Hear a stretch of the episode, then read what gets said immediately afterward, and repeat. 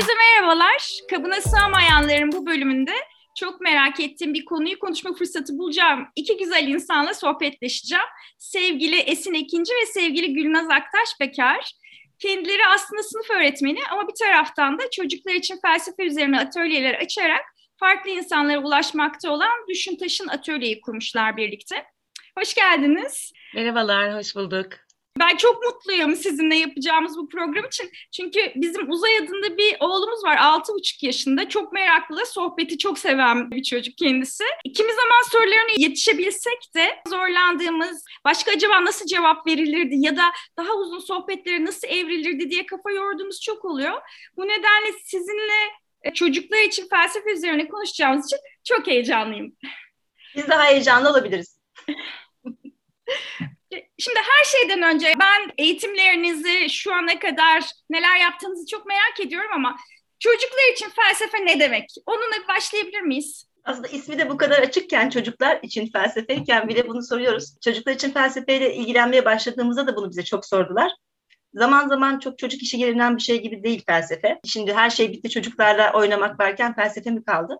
Ama çocuklar için felsefe aslında çocukların düşünme biçimlerine çok uygun olan bir konuşma şekli. Hani dediniz ya az önce zaman zaman sorularını çok açamıyoruz ve kalıyoruz. Daha da nasıl genişletirdi diyoruz. Ya da bu soruya cevap versek mi ya da nereye kadar cevap versek? Ay bu konularda biraz zorlar mı beni ya da çocuğu? Dediğimiz yerlerde aslında bizi önümüzü açan bir fikir sunan, bir yol gösteren bir yaklaşım çocuklar için felsefe. Belki şeyi de ekleyebiliriz. Çocukların dünyaya dair aslında çok soruları var. Az önce uzaydan da bahsettiniz. Sürekli soru soruyorlar aslında. Neden, neden, neden, neden, neden diye. Ve bazen bu neden soruları yetişkinleri bunaltsa da bazen kaçamak cevaplar verseler de çocuklar sormaktan bıkmıyorlar belli bir yaşa gelene kadar.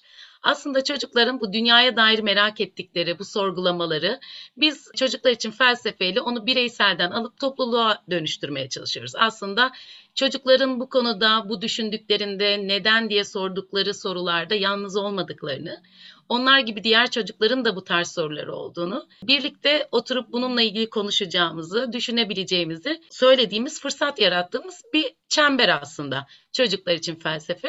Belki şeyden de bahsedebiliriz. P4C deniliyor. Neden P4C deniliyor? Oradaki for denilen şey aslında dört tane ana başlıktan bahsediyor eleştirel düşünme, özenli düşünme, yaratıcı düşünme ve işbirliği içerisinde düşünme. Tüm bunları yaptığınızda aslında sadece çocuklar için değil yetişkinler için bile o kadar olağanüstü bir şey geliyor ki düşünsenize bir toplulukta konuşurken eleştirel düşünmeyle ortamdasınız ya da birilerini dinlerken görüşlerinizi ifade ederken bir başkasının görüşünü dinlerken özenli olabiliyorsak ya da fikirlerimizi yaratıcı bir şekilde ortaya koyuyorsak ve bunu yaparken de birlikte yapabiliyorsak, bu yolculuğa birlikte çıkabiliyorsak gerçekten hani sadece çocuklar için değil bütün topluluklar için olağanüstü bir şey. Belki çocuklar için felsefe ne değilleri de konuşabiliriz burada. Felsefeden konuşmak değil, felsefecilerden konuşmak değil. Felsefe tarihinden bahsetmek ya da felsefecilerin görüşlerinden bahsetmek değil. Aslında felsefe yapan insanlar gibi düşünmek, düşünme yöntemi olarak ele alacağız onu. Çocuklar da bunu doğal olarak yapıyorlar. Filozoflarla çocukların ortaklaştığı bir duygu olduğunu söylüyor uzmanlar. O da şaşırmak aslında çocukların sürekli şaşırdıkları şey filozoflarda da var ve her zaman baktığı dünyaya şaşırarak bakmak ve o sorularla onu anlamak için tekrar tekrar hiç alışmamak, dünyaya hiç alışmamak aslında, yaşadığı şeylere hiç alışmamak, tekrardan sorgulayacak halde olmak her zaman onu. Çocuklar buna zaten doğal olarak sahip, Esin'in söylediği gibi. E, filozoflar da zaten bunu yapan kişiler oldukları için filozoflar. Dolayısıyla zaten felsefi düşünme şekli çocuklar için doğal bir düşünme biçimi. Biz bunu büyüdüğümüz zaman kaybediyoruz. Sonra da neden çocuklar bu soruları soruyorlar diyoruz belki. Çocuklar için felsefeyle ilgili biz eğitimlerde alırken ve verirken şeyi fark ettik. Aslında çocuklar için felsefe eğitimi çocuklar için bir eğitim değil, yetişkinler için bir eğitim ve yetişkinleri bu şekilde düşündürmeye ya da çocuklara bu şekilde bakmaya yol gösteren bir eğitim biçimi. Çocuklar için felsefe belki zaten çocuklar için olan bir şey. Yetişkinler için olmayan, eğitimle alınan bir şey. Evet, şimdi bu programa hazırlanırken de çocuklar için felsefeye dair kitapları okurken, biraz dersime çalışırken onu hissettim. Bu soruları sorgulama süreçlerini o kadar ertelediğimi, göz ardı ettiğimi fark ettim ki onun için çok daha aslında mutluyum yani şu anda sizlerle bu konu üzerine konuşacağımız için. Peki sizin nereden aklınıza geldi çocuklar için felsefe üzerine çalışmak, sonra hatta bunun eğitimcisi olmak. Şimdi bu noktada en başlangıç noktasından hatta çocuklar için felsefe değil de sizin önce bir eğitimlerinizden başlayalım ki kabına sığmayanlar programının adı altında olduğu için bunu da parantez olarak açmak istiyorum. Bir kere programın adı inanılmaz güzel. Kabına sığmayan. Duyunca da gerçekten çok keyif aldık. Böyle bir ismin altında bir programın içerisinde var olmak çok güzel. Çünkü sınıf öğretmeni olarak ben de Günnaz'da yıllarca devlet okullarında öğretmenlik yaptık. Ve orada yaptığımız her şeyde dil kabına sığamamak, başımıza icat çıkarma, şimdi de bunu çıkarma denilen süreçlerden böyle bir programın altında konuşuyor olmak gerçekten çok güzel. O yüzden teşekkür ediyorum. Ben sınıf öğretmeniyim. Devlet okulunda 13 yıl çalıştıktan sonra bir özel okulda devam ettim sürecime. Buraya gelene kadar da aslında birçok mesleki gelişim, kişisel gelişim eğitimlerine katıldım. Bunların yanı sıra birçok sivil toplum kuruluşuyla, Öğretmen Akademisi Vakfı, Öğretmen Ağı gibi birçok TEGEV gibi farklı sivil toplum kuruluşlarında çeşitli çalışmalar yaptık. Bunun yanı sıra da aldığımız eğitimler var. Günnaz'la da buralarda çokça bir araya geldik. Çağdaş Drama Derneği de drama eğitimi de bunlardan bir tanesi.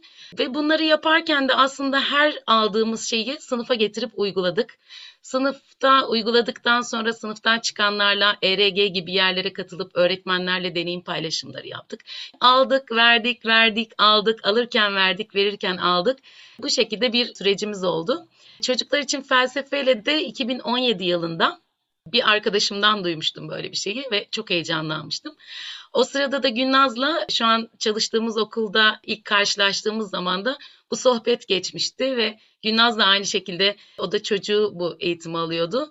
Başlasak nasıl olur derken bir grup kadın biz bir arada böyle bir eğitime başladık. Orayı da istersen Günnaz Kadıköy Atölye ile ilgili olan süreçten belki alıp devam edersin. Yeni şeyler duymak heyecan veriyor bize. Gerçekten hani duygu olarak kabına sığamayanız, yaptığımız işleri bir tarafa bırakırsak bir şey duyduğumuz zaman bunu mutlaka denemek, işte sınıfta uygulamak ve birileriyle paylaşmak istiyoruz. Bu, bu döngümüz hep esinle aynı olmuş şimdiye kadar. Karşılaştıktan sonra fark ettik belki de bunu. Buluştuktan sonra da zaten hiç ayrılmadık ama asıl olarak felsefe eğitiminde tam olarak yan yana geldik ve ondan sonra birlikte çalışmaya başladık her aşamada, her yerde. Oğlum alıyordu bu eğitimi. Bir arkadaşım işte bugün artık Kadıköy Atölye'nin şu anda felsefe eğitimleriyle çok meşhurdur Kadıköy Atölye bu arada. O eğitimleri düzenleyen arkadaşımız bize söylemiş. Çocuklar için böyle bir eğitim var. İstersen Deniz'i getir diye. Ben de birkaç arkadaşıma daha haber verdim. Bir grup oluşturduk orada kendimiz ve eğitim almaya başladık. Sonra bunu biz de alsak nasıl yaparız? Alabiliyor muyuz, alamıyor muyuz? Hani yetkinliğimiz alanında mı? Belki de yapmamamız gereken bir iştir. Ee, sonra fark ettik ki aslında bu eğitimciler için düzenlenmiş bir program. Ee, yani felsefeci olman gerekmiyor bunu bu eğitimi alabilmen için. Ve sınıfa hızlıca taşıyabileceğimiz bir şey. Soru sorma becerilerine çok ihtiyacımız oluyor öğretmenler olarak ya da işte drama eğitimi yaparken, farklı eğitimlerle uğraşırken öğretmen eğitimleri de veriyorduk bu arada biz soru sorma becerilerimizi güçlendirecek bir şey olsun en azından diyerek başladık. Sonra biz ilk atölyeden sonra şey olduk ve vurulmuş gibi olduk. Çünkü böyle ucu açık düşünmek, evet eleştirel düşünmeyle daha önce de karşılaştık bir yerlerde bir şekilde ama bu şekilde düşünme biçimi farklı bir düşünme biçimi. Duruyorsun ve aman Allah'ım bir boşluktasın. Yani o ana kadar varsaydığın, bildiğini zannettiğin her şey böyle uçuşuyor gerçekten çizgi filmlerdeki adalar gibi. E, sonra onlar tekrar toparlanıyor ve bakıyorsun ki bununla ilgili ne kadar farklı bir bakış açısı var. Aynı grupta olduğun arkadaşın bambaşka bir yerden bakıyor. Senin yaşamında karşılık geldiği yer bambaşka bir yer. O hani o düşünmede kaybolmak, o süreçte kaybolma hali harika. Belirsizlikle karşılaşmak. Yani çok bildiğim bir şey birdenbire belirsizleşiyor, kuyulaşıyor ve tekrar hani şeydeki gibi şaşı bak şaşır fotoğrafları var ya. Kavramlar öyle hale geliyor bizim için. Bunu çok sevdik biz. Bu düşünme biçimini çok sevdik. Çıktıktan sonra işte hangi kavramı tartışmışsak, sorgulamışsak Esin'le telefonda konuşmaya devam ediyorduk. Aa böyle bir makale varmış. Yani bizi öğrenmeye de teşvik eden bir şey oldu. Oradaki süreçler. Ve bunu herkes denemeli. Yani bizim o eskiden kalma alışkanlığımızla bunu daha çok öğretmen paylaşmalı. Bunu daha çok çocuk denemeli. Bu düşünme biçimi çok güzel. Böyle etrafımızı anlatıyoruz. İnsanlarla çok temasımız vardı dediği gibi sivil toplum örgütlerinden. Her karşılaştığımız kişi herhalde belki de söyledik. Böyle bir eğitim alıyoruz. Ha siz bu eğitim alıyor musunuz? Tamam o zaman bunda bir şey var gibi diyen arkadaşlarımız da çoktu. Böyle etraftan hani böyle halka halka yayılan bir şey oldu. Bizden başkasına, ondan ona, ondan, ona derken. Biz Kadıköy Atölye'de daha sonra dedik ki bu eğitim daha çok kişiye ulaşmalı. Ve Kadıköy Atölye'yi kurduk. Bir grup kadın, o felsefe grubundaki kadınlar yaptı aslında bunu gene. Sonra daha çok kişiye ulaşsın, daha çok insan ulaşsın. Bir dünya şey, sertifika programı da yürütüyordu. Orada eğitim veren eğitmenlerimiz var. Ama ücretsiz Türkiye'nin dört bir tarafına hatta bu pandemiden sonra ulaşan eğitimler yaptık. Geçen gün orada çalışan arkadaşımız var. Şennaz. Ona sordum kaç kişiye ulaştık Şennaz şu ana kadar diye. Çünkü gerçekten online'da inanılmaz insanlara ulaştık. Ağrı'dan birisi katılıyor. Malatya'dan birisi katılıyor aynı eğitimi ve öğretmen onlar kendi istekleriyle katılıyorlar. Sınıflarına taşıyorlar, çok etkileniyorlar. Bana söylediği sayı 600-700 civarında eğitimi alan online 300 kişilik tanıtım programlarıyla dahil olan 5-6 e, bin kişi dedi nasıl yani dedim gerçekten evet 5 yıl içerisinde söylüyorum bunu. Ama son 2 yılda özellikle online'dan sonra böyle patlamış durumda. Şu an çok yaygın bir şey. E, herkesin hemen hemen duyduğu en azından fikir sahibi olduğu birazcık şekilde yaygınlaşan bir eğitim ve öğretmenler bunu güzel beceriyorlar bence. Başlangıçta şeyle çok karşılaştık Esin'le başladığımızda. Bugün konuşurken de şey demiştik yani siz çocuklar için felsefe mi? Peki Esin bundan sonrasını devam ettirebilir. Hani ne haddinize? Evet. Biz de bazen haddimize bir şey mi acaba bu yapmalı mıyız yapmamalıyız mıyız dedik ama e, çok da güzel olduğunu gördük. Dener, denedik farklı alanlarla birleştirmeye çalıştık. Onu ben sormak istiyordum size de. Çünkü çocuklar için felsefe gerçekten felsefe yapmakla ilgili bir konu mu? Ama şimdi siz dediniz ki mesela eğitimci olmak lazım çocuklar için felsefe eğitimcisi olmak için. E o zaman o aslında eğitimle daha ilişkili bir şey sanki felsefedense değil mi? Anlatır mısınız bu konuyu? Bir küçük şey yapayım ondan sonra esine bırakayım burasıyla ilgili çok böyle nefes nefese kalmışım fark ettim ki hızlı konuşuyorum biraz. Çocuklar için felsefenin aslında iki tane bakış var. Felsefeciler diyorlar ki bazı felsefeciler hepsi değil neyse ki. Çünkü bu işi e, yapan ve program oluşturan da bir felsefeci ve bunun çıkış noktası zaten öğretmenlere, eğitimcilere dönük hazırlanmış bir program. Diyorlar ki bunu felsefeciler yapar ve ne haddine başka bir alandan birinin bunu yapması çok da doğru değil. Alanı kirleten bir şey de diyenler var. Belki de haklıdırlar bir açıdan. Öğretmenler için baktığınız zaman da onlar da diyorlar ki eğitimle uğraşanlar, öğretmenler diye sınırlandırmayayım. Eğitim bir yöntem, teknik, yaklaşım işi, sınıf yönetimi dediğimiz alan var. Bazı alanlarla birleştirebiliriz bunu. Felsefenin konularını, kavramlarını farklı alanlarla odaklayarak da çalışabiliriz. O yüzden çocuklarla ya da gençlerle çalışan insanlar bunu daha iyi yaparlar. Çünkü o grubun özelliklerini biliyorlar ve onunla daha iyi temas kurabilirler. Daha iyi yürütebilirler bu süreci. Aslında ikisi de değil. Belki de nasıl yaptığın daha önemli. Her iki taraf içerisinde de söyleyecek olursak. Yalnız felsefeyi bilmek, felsefedeki kavramların karşılık geldiği yerleri bilmek, biraz felsefe tarihini bilmek, insanların hangi görüşleri, hangi bakış açılarını bugüne kadar o konuyla ilgili getirdiğini bilmek süreçleri çok kolaylaştırıyor. Bilmek iyi bir şey ama şart mı? Bence değil. Ucu açık düşünmek için çok güzel bir fırsat yaratıyor. Ama her zaman felsefi düşünemiyor olabilirsin. Eğer felsefeyi biraz bilmiyorsan, felsefi düşünmek yerine eleştirel bir düşünme yapıyorsundur belki süreçte ama felsefi düşünmek biraz daha farklı. Belki Esin ondan bize bahsedebilir oradaki farktan. İlk başladığımız sıralarda bize gerçekten çocuklar için felsefede bir 40 dakika falan çocuklarla oturmak, çocukların orada hareketsiz bir şekilde sadece konuşuyor olması çocuğun doğasına çok uygun olmayan bir şey. Hiç hareket etmeden, bir eylem olmadan sadece konuşarak bir süreci yürütmesi gerçekten zor. Bunun bu kültürün oluşması için de zamanın geçmesi gerekiyor ve çocuğun aslında en büyük hayali oyunsu süreçlerin içerisinde var olmak. Aslında felsefe de bir yanıyla düşünme oyunları diyebiliriz belki ona. Ama bunun yanı sıra biz hep şey dedik, drama kökenli olmamızdan kaynaklı. Felsefi tartışmaların öncesinde böyle bir oyun oynatmak.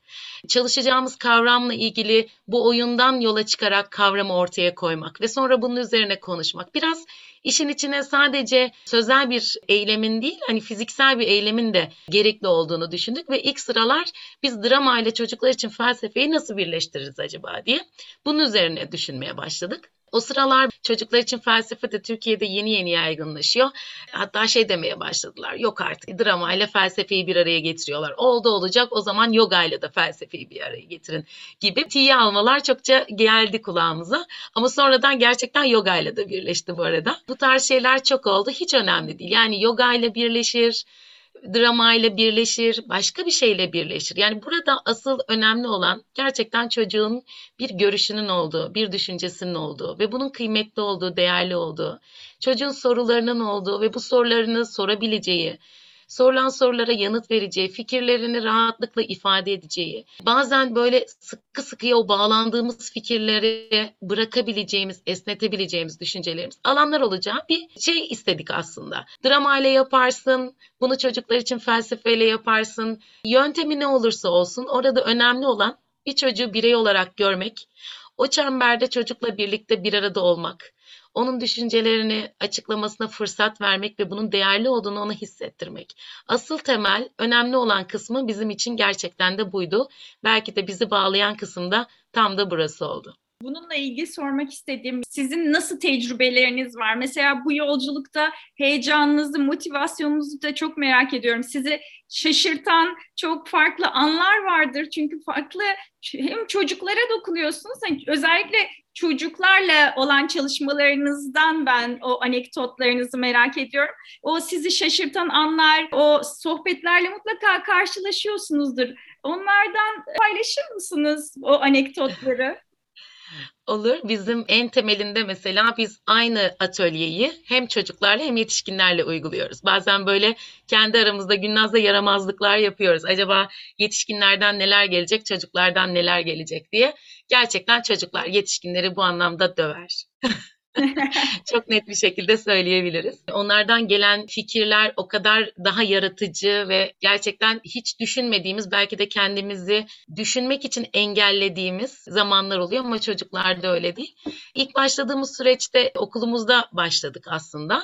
Hem bunu bir atölye olarak yaptık çocuklarla hem de Türkçe, matematik, hayat bilgisi gibi derslerin içerisine de çocuklar için felsefeyi koyduk. Biraz oyun oynadık aslında biz bu süreçte. Bir de birlikte olmanın verdiği güç de vardı. Denedik, yanıldık, yeniden baktık. Bunların fırsatını hep yakaladık. Ve okulun içerisinde gerçekten bu çocuklar için felsefe doğalında akan bir sürece dönüştü. Özellikle çocukların okul içerisinde yaşadığı problem durumlarında, sorun davranışlarda bazen öğretmenim gerçekten şu an felsefe yapmak istemiyorum demeye başladılar. Bunun da aslında altında yatan şey şu. Var olan durumu değerlendirirken felsefi düşündüğünde gerçekten argüman oluşturmak zorunda gerekçelendirmek zorunda. Orada kaytaramaz ya da genel bir şey söyleyemez ve teslim olmak durumunda. Ya kabul edeceksin ya kaçacaksın. Çocuklardan bunu duyduğumuzda çok şaşırmıştık. Özellikle sorun davranışların yönetimi kısmında bu, bu tarz konularla ilgili çocuklarla konuştuğumuzda o sorunun derinine inmek, altında yatan nedeni bulmak, asıl çocuğun ihtiyacı olan şeyi ortaya koyması bazen böyle evet keyifli olsa da bazen de gerçekten çocukları öğretmenim artık felsefe yapmayalım lütfen deyip kaçamak yaptıkları zamanlar vardı. Bu bizim böyle çok keyifle andığımız zamanlardan biridir. Burada şey var, çocuklar için felsefe nedir de bir taraftan konuşuyor oluyoruz aslında bunları söylerken. Ne zaman felsefi düşünüyoruz? Bir, bir sürü varsayımımız var aslında konuşurken, düşüncelerimizi ifade ederken bir takım varsayımlara dayanıyoruz. Varsayımların da hepsinin doğru olduğunu kabul ediyoruz. Felsefi düşünmeye başladığında ki çocuklar da tam da oradan söylüyorlar aslında. Fikirlerine mesafe alman ve o varsayımlarını sorgulaman lazım. Yani fikrin olduğunda değil aslında fikirlerini sorguladığın zaman felsefe yapmaya başlıyorsun. Şimdi o fikri bir konuyla ilgili bir iddiası var çocuğun diye bir çatışma yaşamış bir arkadaşıyla ve orada bir bir eylem içerisinde bulunmuş ve yaptığı eylem üzerine derinlemesine düşünmeye başladığında aslında kendisiyle yüzleşmeye başlıyor. Dolayısıyla ben haklıyım, sen haklısın çatışmasını, ikilemini sürdüremiyorsun. Mecburen ondan uzaklaşıyorsun. Dolayısıyla biz artık burada felsefe yapmayalım derken aslında çok da güzel anladığını anlıyorsunuz çocukların orada felsefenin ne demek olduğunu. Fikirlerini sorgulamaya başlaması lazım. Eylemlerini sorgulamaya başlaması lazım. Bu da bence insanı çok büyüten bir şey. Hangi yaşta olursa olsun. Zaman zaman tatsız da geliyor olabilir çocuklara. Bazı çocukları sıkıyor. Çocuklarla biz birinci dönemini tamamladıktan sonra nasıl gidiyor çocuklarla felsefe, onlardaki karşılığı nedir üzerine düşünürken hatta ERG'ye yaptığımız çalışmaları anlatmak için bir şey hazırlıyorduk Esin'le. Değerlendirme yapmalarını istemiştik çocuklardan. Sence önümüzdeki dönem okulumuzdaki başka çocuklar felsefe eğitimini alsınlar mı? Nasıl anlatırsın onlara felsefeyi diye başkalarını anlatmak üzerinden bir soru sormuştuk. Mesela e, çocukların karakterine göre sıkılırlar ama bence alsınlar yine de diyen vardı mesela. Felsefeyle ilgili çok ilginç tanımlar geliyordu oradan. Her birinin kendi yaşantısından, kendi karakterinden taşıdığı değerlendirmeler vardı. Evet bazen çocuklar için sıkıcı olabiliyor. Zaman zaman beraber oturup düşünmek işte kolay bir şey değil. Hareketli varlıklar çocuklar ve bazıları çok daha hareketli. Bir de topluluk halinde bunu yapmak çok zor, yetişkin olarak bile çok zor. Öğretmen arkadaşlarımızla bu işi nasıl yapıyoruz, o süreçler nasıl işliyoruz aktarırken zaman zaman öğretmen eğitimlerine de katılıyoruz. Diyoruz ki ilk yaptığımızda birimiz çocukları kovalıyorduk, öbürümüz de onları oturtmaya çalışıyorduk ve bir taraftan süreci yürütmeye çalışıyorduk. Evet hiç de böyle hemen olan bir şey değil. Az önce söylediğim gibi bir zaman istiyor. Oturmak, beraber düşünmeyi öğrenmek de zaman alan bir şey ama ikisi birbirini besleyen bir süreç. Yaptıkça öğreniyorsun. Bir örnek daha verebilirim. İkinci sınıftan çocuklarla başladığımızda ve dördüncü sınıfa geldiklerinde bir gün felsefe çemberinin ardından hemen bir öğrencimiz şey dedi. Öğretmenim dedi, siz hiç fikirlerinizi söylemiyorsunuz. Çünkü felsefe çemberinde kolaylaştırıcının gerçekten düşüncelerini söylememesi gerekiyor. Daha çok onların düşüncelerini almak, düşünceler arasındaki bağlantıları ifade etmek ya da sesi ve söylenen düşünceyi duyulur hale getirmek gibi görevleri var çemberde. Ne yaparsak eğer dedi sizin de fikirlerinizi alabiliriz. Yani ben de eğer dedim kolaylaştırıcı değil ama o topluluğun bir parçası olarak belki o sorgulama sürecinin bir parçası olarak orada olursam olabilir. O zaman biz yapalım dediler. Biz sorgulamayı yapalım. Siz orada bir katılımcı olun. Olur dedim. Ve çocuklar gerçekten hani o üç senenin ardından gittiler bir uyaran buldular. O uyarana uygun soru oluşturdular. Yedek sorularını hazırladılar ve tıpkı bizim çemberde yaptığımız gibi değerlendirmelerini hazırladılar. Ve bu ondan sonra hafta hafta her çocuğun sırayla gönüllü olarak yaptığı, bizim de o süreçlere katıldığımız bir hal aldı. Aslında katılımcıyken çocuklar birdenbire sürecin kolaylaştırıcılık rolünü alarak devam ettiler. Bu da böyle hiç unutamadığımız anlardan bir tanesi. Çok gurur verici olsa gerek sizin açınızdan değil mi? Evet, evet gerçekten öyle. Bu bu arada hedeflerden de bir tanesi aslında.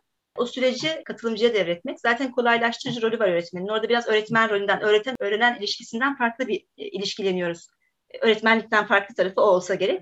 Öğreten pozisyonda değiliz. Aslında biraz o yolu açan, o süreci yapılandıran ve bırakan çocukların e, sürecine dışarıdan destek veren, o işin felsefi bir sürece doğru, düşünme biçimine doğru evrilmesi için biraz yol gösteren bir pozisyonumuz var. Fikirlerini ifade etmek ya da bir doğruda durmak ya da bir amaca ulaşmak, bir sonuca ulaşmak gibi de bir şeyimiz yok hiçbir zaman.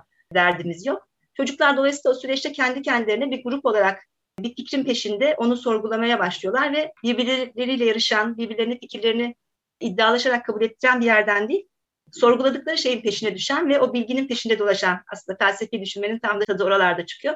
Onu aldıktan sonra da biz zamanla gittikçe yani onları işte çemberde tutmaya çalışan pozisyondan başlangıçta öyle başlamıştık. Üç yılın sonunda artık zaman zaman o rolümüzü oldukça geriye çekiyoruz ve çocuklar zaten uyaranlarını da kendileri getiriyorlar. Bazen bu uyaran hazırladıkları bir şey oluyor. Bazen doğrudan okul süreçleri içerisinde yaşadıkları bir yerden, çatışma durumundan, yaşadıkları bir olaydan, gördükleri herhangi bir şeyden başlayabiliyor. Hiç unutmuyorum çimen neden var diye başlayan bir şey vardı. Çocukların başlattığı çimen neden var. O kadar basit görünüyor çimen neden var. Onun arkası o kadar derin açılmıştı ki biz böyle ağzımız bir karış açık e, çocukların sorgulamasını izlemeye başlamıştık. Zaman istiyor evet ama çocuklardaki karşılığı inanılmaz güzel. Yani onların düşünme süreçlerini bozmadığımızda o doğal süreç ortaya çıktığında doğal ürünün yetişmesi gibi kendi sürecini kendisi yetiştirdiğinde, hazırladığında tadı doyulmaz sohbetlerine tanık oluyoruz çocukların. Onları tanımak için de çok güzel fırsat sunuyor bize bu arada. Çocukları tanımak için de güzel bir fırsat oluyor. Yetişkinlerle nasıl? Yetişkinlerle olan deneyimleriniz, onları da eğitiyorsunuz sonuçta. Onların da eğitimleri var. Çünkü şimdi çocuklarla felsefe yapmak biz büyükler için aslında çok zorlayıcı düşününce. E çünkü birincisi ortak bir sorgulamayı gerektirdiği için biraz savunmasız, bagajsız hissetmemize yol açabiliyor ki biz yetişkinlerin pek de sevmediği bir şey bu. Bir de bizler çok daha sonuç odaklıyız. Bu da bizi çok sabırsız ve süreci gözden kaçırdığımız bir döngüye sokuyor ama çocuklar öyle değiller. Yetişkinlerle neler tecrübe ettiniz? Şöyle diyebiliriz aslında biraz bildiklerimizi unutmakta yetişkinler olarak çok zorlanıyoruz. Öğrendiklerimizi sıkı sıkıya bağlanmak gibi bir şeyimiz var. Vazgeçemiyoruz. Bazen inatlaşıyoruz, bazen sıkı sıkıya o düşünceye bağlanıyoruz. Bazen de inat edip onu devam ettiriyoruz. İşte çocuklarda böyle değil. Gerçekten farklı bir düşünce duyduğunda arkadaşında o düşünceyi esnetebilip kendi düşüncesini farklı bir boyutta evriltebiliyor. Ama yetişkinlerde biraz daha doğruyu bulmak, doğruya ulaşmak, sonuca gitmek gibi bir şey var. Yani kaybolmaya izin vermiyor yetişkin kendisine bir yol belirliyor ve o yoldan güvenli adımlarla ilerlemek istiyor ve sonuca ulaşmak istiyor. Yetişkinlerin sanırım en çok zorlandığı şey yetişkinlerle yaptığımızda şunu da sıklıkla duyuyoruz atölyenin sonunda. E yani şimdi ne diyeceğiz örneğin sınırı tartışıyoruz. Yani sınırla ilgili şimdi o zaman ne diyeceğiz? Şimdi o zaman ne diyeceğiz diye bir sonuca varmak durumunda değiliz. Önemli olan orada sorguladıkların, düşündüklerin ve hatta biz hep şeyi savunuruz. Bir merakla gireriz oraya ama o atölyenin sonunda bambaşka meraklarla çıkarız. O atölyenin, o oturumun aslında en büyük kazancı oradakilerin dışında oradan çıktıktan sonra devam eden süreç. Oradan çıkan merakla devam eden süreç. Yetişkinde biraz dediğiniz gibi sonuca odaklılık, düşüncede biraz daha sabit kalma ve sıkı sıkıya bağlanıp onu savunmayı görüyoruz diyebiliriz. Bu arada yetişkinler dışında şeyi de söyleyebiliriz. Yani sadece yetişkinler değil, eğitim süreçlerinden, klasik anlamdaki eğitim süreçlerinden geçen çocuklar da yetişkinler gibi davranıyorlar çoğu zaman. Yaş grubu büyüdükçe mesela dördüncü sınıftan sonra biz bir grupla çalışmıştık Esin'de inanamamıştık. Çocuklar gerçekten kendilerini çok kötü hissettiler. Cevabının bizden gelmeyecek olması, net bir cevabının olmaması, sorguladıkları kavramın bir sürü farklı cevabının olabileceğini görmek onları çok rahatsız etmişti.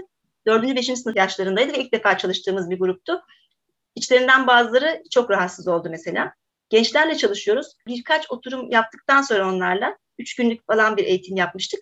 Hatta iki yıl yaptık, daha sonraki grupla devam ettik. İlkinde biraz iddialaşmalar, işte o bırakmama hali, fikirlerine sarılma hali devam ediyor. Sonra Aa, bu böyle bir konuşma biçimini fark ettikten sonra biraz rahatlıyorlar ve ikinci, üçüncü oturumdan sonra gerçekten felsefi tartışmalar, sorgulamalar yapabilecek hale geliyorlar. Çünkü çok alışkın olmadığımız bir düşünme biçimi. Ben bilirim, bir tane doğru var e, gibi şeylere çok alışkın olduğumuz için yaşantımızda e, sadece yetişkinler değil, o süreçlerden geçmemiş çocuklar için de bir süre sonra kaybedilen bir özellik bu şekilde düşünmek. Siz bu P4C'yi nasıl kurguluyorsunuz? Mesela temel eğitim, e, onun üstüne yapılandırdığınız daha üst eğitimler şeklinde mi? Biraz da onu anlatabilir misiniz? Aslında biz bu eğitimi aldığımızda bayağı uzunca bir süreçte almıştık. Daha sonra bunu biraz daha öğretmenlerle paylaşırken de bu eğitimi yaparken de biraz kendi okulumuzdaki öğretmenlerle programı birleştirerek yaptığımız, dışarıda paylaştığımız öğretmenlerle de daha çok gerçekten hani çocukla temas ettiğimiz alana hizmet edecek kısımları ele aldık. Başlangıçta aslında bir sorgulama süreci yaratarak öncelikle orayı deneyimlemelerini istiyoruz. Bu sorgulama süreci nasıl bir şey diye kendisinin bunu fark etmesi ve hissetmesi, o deneyimi birebir yaşamasını istiyoruz. O deneyimden sonra da adım adım burada kullanılan yöntem teknikler neler bir uyaran, bizi kışkırtan ve üzerine konuşmamızı sağlayan uyaran nasıl seçilir? Bu uyarana uygun sorular nasıl belirlenir? Soruları oluştururken nelere dikkat ederiz? Kolaylaştırıcı olarak bizler nasıl davranırız? Hangi yöntemleri ve teknikleri kullanırız diye adım adım ilerlettiğimiz yaklaşık 3 günlük bir eğitim oluyor. Ama bunun yanı sıra bu eğitimler bittikten sonra aslında bitmiyor, yeni başlıyor. Çünkü yeni uyaranlar bulmak, onlara yeni sorular hazırlamak, sonra bunu uygulamak, uyguladıktan sonra geri bildirim süreci başlıyor. O süreci gözlemlemek. Günnaz'la belki de bunu çok sık yaptık. Benim uyguladığımı Günnaz gözlemledi ve bana geri bildirimler verdi. Onun yaptıklarını ben gözlemledim. Yine öğretmenlerle yaptığımız bu eğitimde de temel eğitim geçtikten sonra gözlem ve geri bildirim dediğimiz süreçleri işlettiğimiz bir adımlamamız var. Şeyi de söyleyebiliriz belki. Genellikle bu eğitim 48-52 saat arasında bir eğitim. Çok insan yapıyor bunu. E, biz daha çok öğretmenlik deneyimlerimiz üzerinden, kendi yaptığımız çalışmalar üzerinden bir şey yapıyoruz. Yani sıfırdan bir felsefe eğitimi vermiyoruz Esin'le bu arada. Belki onu temizlememiz gerekebilir. Daha çok öğrenme süreçlerinde nasıl kullandığımız konu bazlı kendi süreçlerimiz içerisinden. Yani tam bir sertifika programı gibi bir şey yapmıyoruz Esin'le. Onu söyleyelim ama bu eğitim yaklaşık 50 saatlik bir eğitim artı üzerine bir şeyler yapılıyor. Biz de bunu iki kez farklı eğitmenlerden aldık Esin'le. Dışarıdan aldığımız eğitim olarak söylersek. Çocuklar için felsefeyle ilgilendikten sonra felsefe eğitimi almaya başladım ben İstanbul Üniversitesi'nde uzaktan eğitimde. Zaten çok istiyordum okumak okumak ama nereden başlayacağım bilmediğim yapıydı. Böyle örgün eğitimden onu almak da sistemli bir şekilde almak için fırsat oldu. Ve birbirimizden çok öğrendik belki ve yaptıklarımızı paylaşma halinden ve öğrendiklerimizi hemen denemeye geçme halinden çok fazla öğrendik belki süreç içerisinde. Biraz da yaparak öğrenilen bir süreç.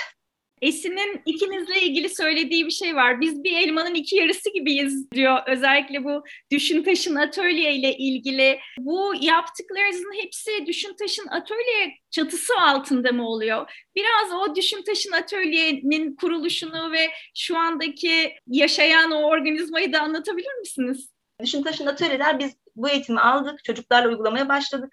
Sonra şeyde Kadıköy Atölye'yi açtık. Kadıköy Atölye'de de çocuklarla uygulamaya başladık. Yine hafta sonu grubumuz vardı. Orada yapıyorduk ve çok hızlı bir şekilde birçok yerde yapmaya başladık.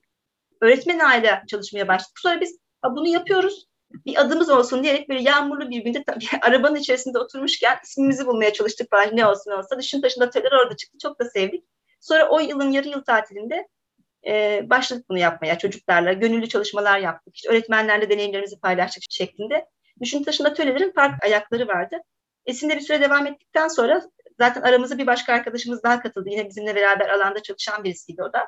Sonra biraz onunla farklı yerlerde çalışmaya başladık. Düşün taşında atölyeler ama Esin'le beraber sürdürdüğümüz bir şey. Hem yetişkin eğitimleriyle hem de çocuklarla yaptığımız atölye süreçleriyle.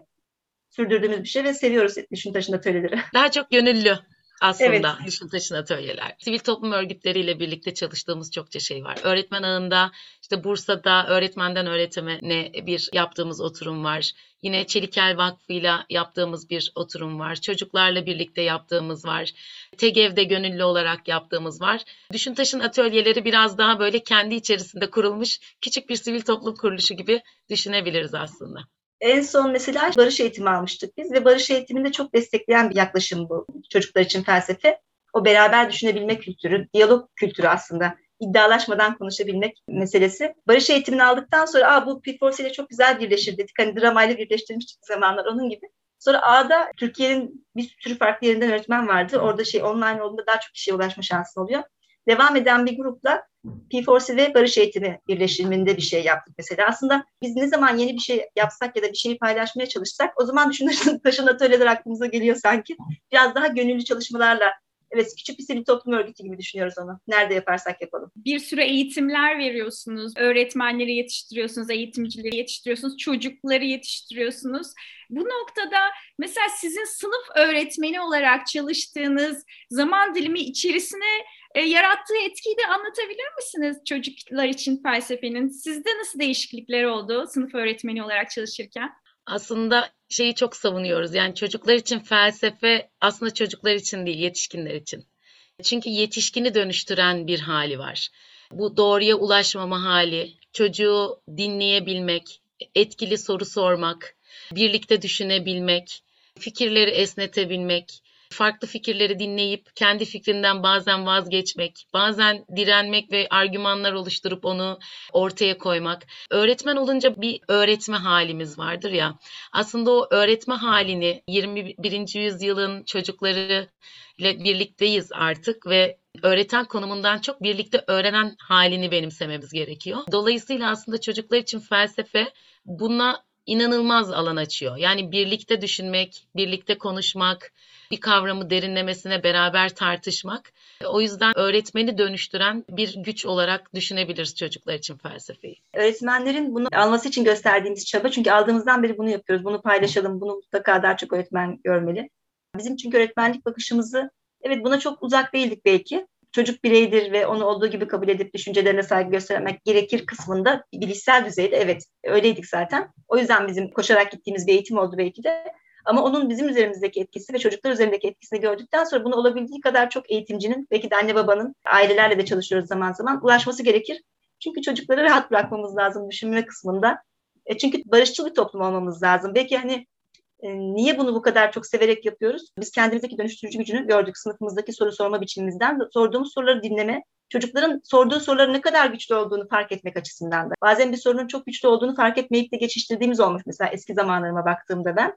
Çok felsefi soru soruyorsun çocuk ama bu eğitimi almamış ya da bu bakış açısına sahip olmayan bir öğretmenin zaman zaman o soruyu kaçırdığını görüyorum mesela. Orada çok güçlü bir soru var ve kaçırıyor. Belki çocuklar için felsefe tam da böyle bizim soruya bakışımızı, çocuktan gelen soruya, ondan gelen cevaba bakışımızı derinleştirdi diyebiliriz. Ve biz de böyle düşünmeyi sevmeye başladık belki de güzel bir özgürlük, kendine böyle bakabilmek.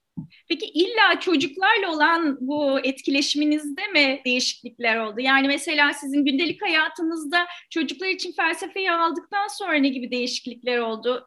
Arkadaşlarınızla iletişim kurarken, iş arkadaşlarınızla, dışarıda, eşinizle, dostunuzla. Çocuklar için felsefenin geliştirdiği beceriler diye başlıklar var. Belki kesin sen onlardan bahsedebilirsin. O başlıklara baktığınızda çocuk ya da yetişkin bununla temas ettiğinde tıpkı bizde olduğu gibi o becerilerinde gelişmeye başladığını görüyorsun. Örneğin bagajsız düşünmeye başlamak, yani onu bırakma cesaretini göstermek, süreçten keyif almak, düşünme sürecinden keyif almak, sonuca gitmek için iddialaşmamak. Yani zaman zaman yine bunu yapıyoruz. İddialaşmıyor muyuz? Elbette, elbette iddialaşıyoruz. Çok da böyle kolay bıraktığımız şeyler değil o düşünme biçimleri ama gerçekten düşünmenin tadına varmak. Benim için öyle ifade edebilirim. Düşünmek gerçekten o düşünmenin tadına, keyfine varabildiğim bir konuşma biçimini deneyimlemiş oluyorsun. Bunu günlük yaşamında da daha rahat yapıyorsun. Karşındakinin görüşlerine açık olman gerektiğini daha çok farkında oluyorsun. Binlerce bakış olabileceğini bir konuda çok kez deneyimlediğinde artık yaşamın içerisinde de o beceriye sahip olmaya başlıyorsun. Küçük küçük de olsa. Fikirleri kişiselleştirmeme kısmı da çok kıymetli bir şey.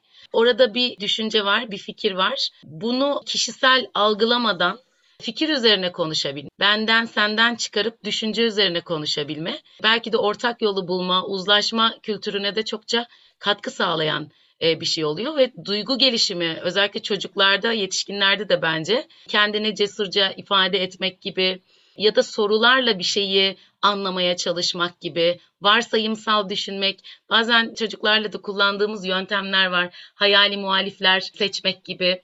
Çünkü varsayalım ki böyle olmadı dediğimizde gerçekten başka bir bakış açısıyla oraya gelmek. Hani kendimizden çıkmak durumu değerlendirmek adına da çok şey oluyor. Şimdi biz işimiz gereği öğretmenlerle de çok yakın temaslı çalışıyoruz ve bu yakın temasta da aslında var olan bir şeyi sürdürmek için benden senden çıkıp işe odaklanmak, yapacağımız şeye odaklanırken de aslında iyi sorular, güçlü sorular sormak ve oraya yönlendirmek, odağı kaçırmamak, odak üzerinde konuşmak adına da yöntem boyutuyla kullandığımız yerler oluyor diyebiliriz. Bir tane daha beceri var ki çok seviyorum onu. Hem bizim için hem de bunu yaptığımızda çocuklarda geliştiğini görmek adına.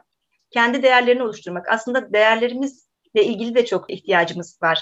Benim değerlerim neler? Belki de adını hemen söyleyebileceğim şu, şu değerleri önemsiyorum diyebilirim ama bu değerlerle ilgili ne kadar düşündüm, bunlar ne kadar sağlam, ne kadar eleştirdim ve gerçekten onlarla ilgili ne düşünüyorum? Yani güven benim için önemli bir değer diye tarif ediyordum yıllarca ben. Güvenin kavramsal olarak bendeki karşılığını sorgulamadan bilme şansım yok. Değerlerini oluşturmak için de özellikle etik çocuklar için felsefenin temel çalıştığı konulardan bir tanesi kendi değerlerini oluşturmak. O bütün o değerleri gerçekten ciddi bir sorgulamadan geçirdikten sonra almak ve bunların da tekrar tekrar sorgulanabilir olduğunu, bu değerlerin de tekrar tekrar sorgulanabilir olduğunu, bu yaşımda birkaç ay sonra tekrardan bakmam gerektiğini belki de çocuklar için felsefeyle tanıştıktan sonra fark ettim. Çocuklarda da değerler oluşuyor ve onlar da değerlerini sorgulayarak alıyorlar. Yani sadece yardımlaşmak iyidir diye, paylaşmak güzeldir diye ezber bir değer değil.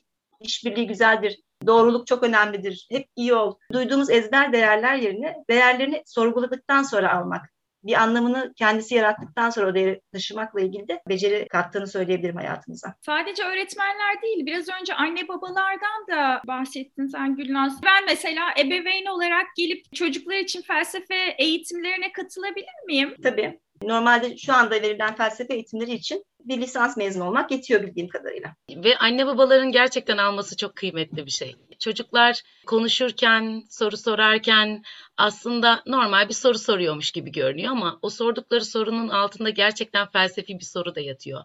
Onu açığa çıkarmak gerçekten çok önemli. Bir örnek verecek olursak neden Ali kedisiyle bir arkadaşı, kedisinin arkadaşı gibi davranıyor diyor mesela bunu söylediğinde o kadar çok soru soruyor ki aslında. İşte diyor ki hayvanlar bizim arkadaşımız olabilir mi diyor mesela. Ya da hayvan arkadaşlarımızın insan arkadaşlarımızdan farkı ne olabilir? Ya da bir insanı arkadaşımız yapan şey nedir? Aynı dili konuşmasak da arkadaş olabilir miyiz? Gibi altında yatan aslında o söyleminin birçok soru var. Bunun farkına varmak adına belki o an çıkaramadığı, söyleyemediği, soramadığı soruları sormasına alan açmak adına onu o şekilde duyabiliyor ve dinleyebiliyor olmak adına çok kıymetli ve çokça kitap okuyor mesela ebeveynler çocuklarla. O çocuklarla okunan kitapların hepsi mutlaka bir kavramı barındırıyor. Üzerine konuşulacak ve tartışılacak kavramı barındırıyor ve çocuk edebiyatı gerçekten çok nitelikli kitaplar var şu an. Sizin de Tilin ile yaptığınız podcast'inizde dinlemiştim. Orada da mesela bahsettiğiniz kitaplarda da aslında her kitabın içerisinde gizlenmiş olan bir kavram var o kavramı belki keşfetmek, o kavramın etrafında çocukla birlikte konuşuyor olabilmek bunlar da çok değerli. Sadece annenin babanın çocukla değil annenin babanın birbiriyle olan iletişiminde de çocuğun buna tanıklık etmesi çok kıymetli. Biz okulumuzda da özellikle çocuklarla yaptıktan sonra velilerle de yapmıştık. Çünkü veliler çok merak ediyordu. Çocuklar felsefe atölyesinden sonra hep dedik ya böyle bir merakla girsinler istiyoruz ama asıl bizi cezbeden şey bir merakla çıkıyor olmaları. O merakı eve taşıyorlardı. Böyle böyle oldu bunları konuştuk sen ne düşünüyorsun diye anne babalara da soruyorlardı. Onlar da çok merak ederek gelmişlerdi. Onlarla da çokça oturumlar yaptık ve beraber düşündük, felsefe çemberleri kurduk. Dolayısıyla hani öğretmenler için evet, Çocuklar için evet ama yetişkinler ve ebeveynler için de evet. Çünkü bu çok bütünsel bir şey. Hep diyoruz ya veli, ebeveyn, çocuk, öğretmen böyle birbirinden ayrılmaz bir parça. Hani çocuğun olduğu her yerde, yetişkinin olduğu her yerde düşünmek, soru sormak, bunlar için alan yaratmak bir fırsat sadece. Belki bir küçük farkındalık. Evet zaten o bağı da o sohbet ettiğiniz, o derinlemesine çocuğunuzla sohbet ettiğiniz anlarda kurabiliyorsunuz. Ters Yüz filmindeki o adalar var ya, o aile adası var, arkadaşlık adası var. Ben öyle hissediyorum. Mesela uzayla sohbet ederken böyle uzun uzun sohbet ettiğimiz zaman sanki o aile adasının biraz daha fazla parladığını hissediyorum. Öyle gözümün önünde canlanıyor. Bir şey ekleyebilir miyim buraya? Çocuklar bu arada gerçekten çok büyük sorularla mücadele ediyorlar. Dünyayı anlamaya çalışırken. Ölümle karşılaşıyorlar. İşte bir kuşun öldüğünü ya da bir kedinin öldüğünü görüyorlar. Birinin doğduğunu görüyorlar. Ya da aşk diye bir şey görüyorlar etraflarında ve böyle kafalarını meşgul ediyor. Yaşlarına göre bu sorular genelde bazen yaşadıkları olaylarla bazen de yaşlarıyla ilişkili böyle kavramlar vardır. Kafalarını sürekli meşgul eden. Savaş gibi mesela. Bizim bazen kaçtığımız cinsellik gibi mesela. Kaçtığımız ve böyle uzak durduğumuz ya da ne diyeceğimi bilemediğimiz sorular çocuklar sorduklarında. Bir ebeveyn olarak oğlumun ölümle ilgili yaşadığımız bir deneyimden sonra zorlandığında mesela onunla felsefi bir kitapla ölümü bir sürü boyutuyla konuştuktan sonra beraber düşündükten sonra birlikte düşündükten sonra o, o durum üzerine ona çok iyi geldi. Gerçekten sağlıktan bir tarafı olduğunu gördüm. Bazen çocukların o büyük düşünceleri tek başına yaşadıkları, sormaktan bile çekindikleri bazen cevabını yetişkinlerden bile alamayacaklarını bildikleri için ya da o kadar güçlü hissetmedikleri için sormaktan bile kaçındıkları birçok soru var. Topluluk olarak bu sorular üzerine konuştuğumuzda yalnız olmadıklarını fark ediyorlar mesela. Ölüm konusu bir başka arkadaşı için de bir mesele. Ya da doğumla ilgili onun da kafasında bir takım sorular var. Kıskançlıkla ilgili o da bir şeyler yaşıyor ya da onun da bir bakış açısı var. Bu anlamda yalnız başına o büyük sorularla, büyük sorunlarla uğraşmak yerine topluluk olarak başkalarının da bu sorunu yaşıyor. Farklı kişiler de yaşıyor görmek ve birlikte o dayanışmacı hali, felsefedeki dayanışmacı kısmını söyleyecek olursak hani o dört tane S'den bir tanesi Bununla ilgili de belki çocukları yalnız hissettirmiyor ve sağlıktan bir tarafı da olduğunu görüyorum ben. Hem kendi ebeveynliğimden hem de diğer çocuklara baktığımda.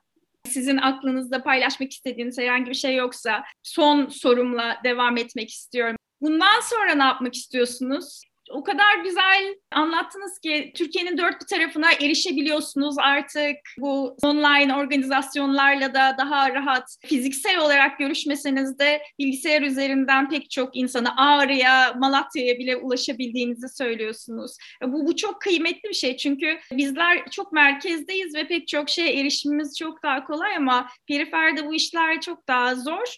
Onun için elinizin kolunuzun bu kadar uzun olmasından ben çok mutluluk duydum. Neler yapmak istiyorsunuz bundan sonraki aşamadaki hayalleriniz ne? Birer kabına sığmayan olarak. Aslında belki de böyle çok büyük uçsuz bucaksız hayaller değil. Yola çıktığımız hayalimiz de oydu. Öğretmen olurkenki hayalimiz de oydu. Çocuğa bakış açısı aslında. Kimi zaman çocuğu gerçekten korunmaya muhtaç, aciz olarak gördüğümüz zamanlar oluyor. Ya da çocuklara çok büyük şeyler atfedip bizim geleceğimiz onlar dediğimiz şeyler olabiliyor. Aslında çocuğun birey olarak görüldüğü, çocuğun düşüncelerinin dikkate alındığı, onun değerli olduğunu ona hissettirdiğimiz, birlikte düşünebildiğimiz, beraber konuşabildiğimiz, diyalog kurabildiğimiz, aslında demokrasi kültürünün yerleştiği bir ülke, bir dünya, barış içinde yaşadığımız bir yer aslında hayal ettiğimiz yer. Bu da böyle küçük küçük adımlarla olan bir şey. Belki şu an küçük bir etki alanımız var. Sınıfımızdayız, okulumuzdayız, okulumuzun biraz dışına çıkıp öğretmenlerleyiz. Biraz daha dışına çıkıp başka şehirlerdeyiz. Böyle böyle adım adım aslında birbirini duyan, birbirini dinleyen insanların çoğaldığı ve çocuğun birey olarak görüldüğü bir şey hayalimiz bu kadar. Sadece biz değiliz tabii bunu yapan bir sürü kişi daha var bu şekilde olan onu da biliyoruz onlarla karşılaşıyoruz sivil toplum örgütlerinde ya da böyle tesadüfen sizin gibi birilerine ulaşmaya çalışan insanlar bazen böyle çok büyük şeyler küçük küçük adımlarla olur. Bu konuşmaya tanık olan belki bu alana bakacak olan birisi ya da böyle düşünmeye alışkın olan bir çocuğun kendi bulunduğu etki çevresinde bunu bu etkiyi yaratan bir konuşma yap, yapıyor olması. Şu an belki de bizi en çok zorlayan şey hepimizi bu toplumda beraber düşünememek, beraber konuşamamak, böyle karşıtlıklar üzerinde var olmaya çalışmak, birbirini yok eden bir yerden, düşüncesini boşa düşüren bir yerden. Oysa biz birçok düşünce var. Bütün düşüncelerde baktığımızda bazen kavramlara bakıyoruz. Binlerce yıldır benzeyen şeyleri düşünmüş insanlar. Yani aynı konuyu konuşuyoruz. Cesaretle ilgili Aristo'dan bugüne ta e, antik Yunan'dan daha da eskisinden bugüne insanların söyledikleri benzer düşünceler var. Yani 10 tane düşünce çıkmış aynı alanla ilgili. Yani sonuçta biz de bugün aynı şeyler üzerine tekrar tekrar kafa yormaktan vazgeçmiyoruz. İnsan olarak bu soruları sormaya, düşünmeye ihtiyacımız var. Bu deneyimleri beraber elde ettikten sonra yeniden konuşabilir bir toplum olmak. Çocuklar aracılığıyla, çoğalarak, insanlar aracılığıyla Çok da büyük hayal değil bence ve olmaz bir hayal de değil. Biraz bu düşünceyi yaymaya çalışan insanların sayısını arttırmak, deneyimleyen insanların sayısını arttırmak en azından. Hayalimiz herhalde bu kadarcık. Büyük bir hayal bence. Daha ne olsun. Ama gerçek olabilecek bir hayal. Çok zor bir şey değil. Çok zor bir olmaz bir şey değil. Bazen olmazmış gibi hissettiriliyor bize. Ama bunu yapabileceğimizi biliyoruz. Çünkü topluluklarda birkaç tane beraber düşünme deneyiminden sonra bunu yapabildiğimizi görüyoruz. Çok da insanlara uzak bir düşünce biçimi değil. Birlikte düşünebilmek. Bugün sizinle tanışmama vesile olan arkadaşım Gülşah sağ olsun. O bana bir film tavsiye etmişti. Onu izledim. Tam da sizin bu söylediklerinizle çok ilişkilendirdim.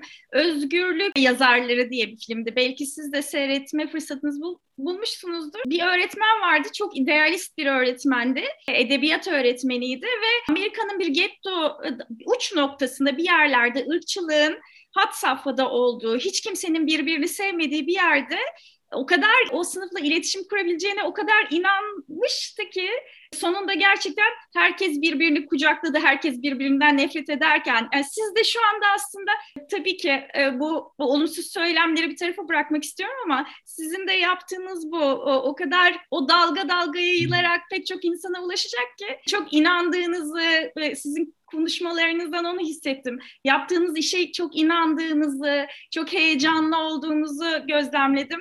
Çok mutlu oldum sizinle sohbet ettiğim için.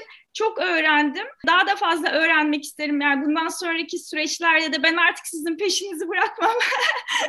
çok çok teşekkür ederim. Sağ olun. Biz teşekkür ederiz. Sesimize bir ses daha kattınız. Daha çok kişiye ulaşmak için yeni bir alan oldu bizim için de.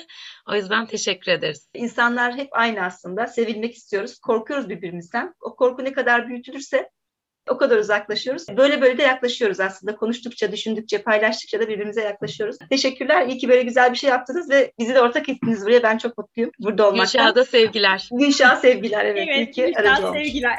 Enerjiniz o kadar güzel geliyor ki Evet. hani akıp gitti hiç anlamadı. Bence daha çok olmalı. Ha, inşallah inşallah. Çok çok isterim. Çok teşekkür ederim. Görüşmek üzere. Görüşmek üzere iyi akşamlar. Görüşmek üzere.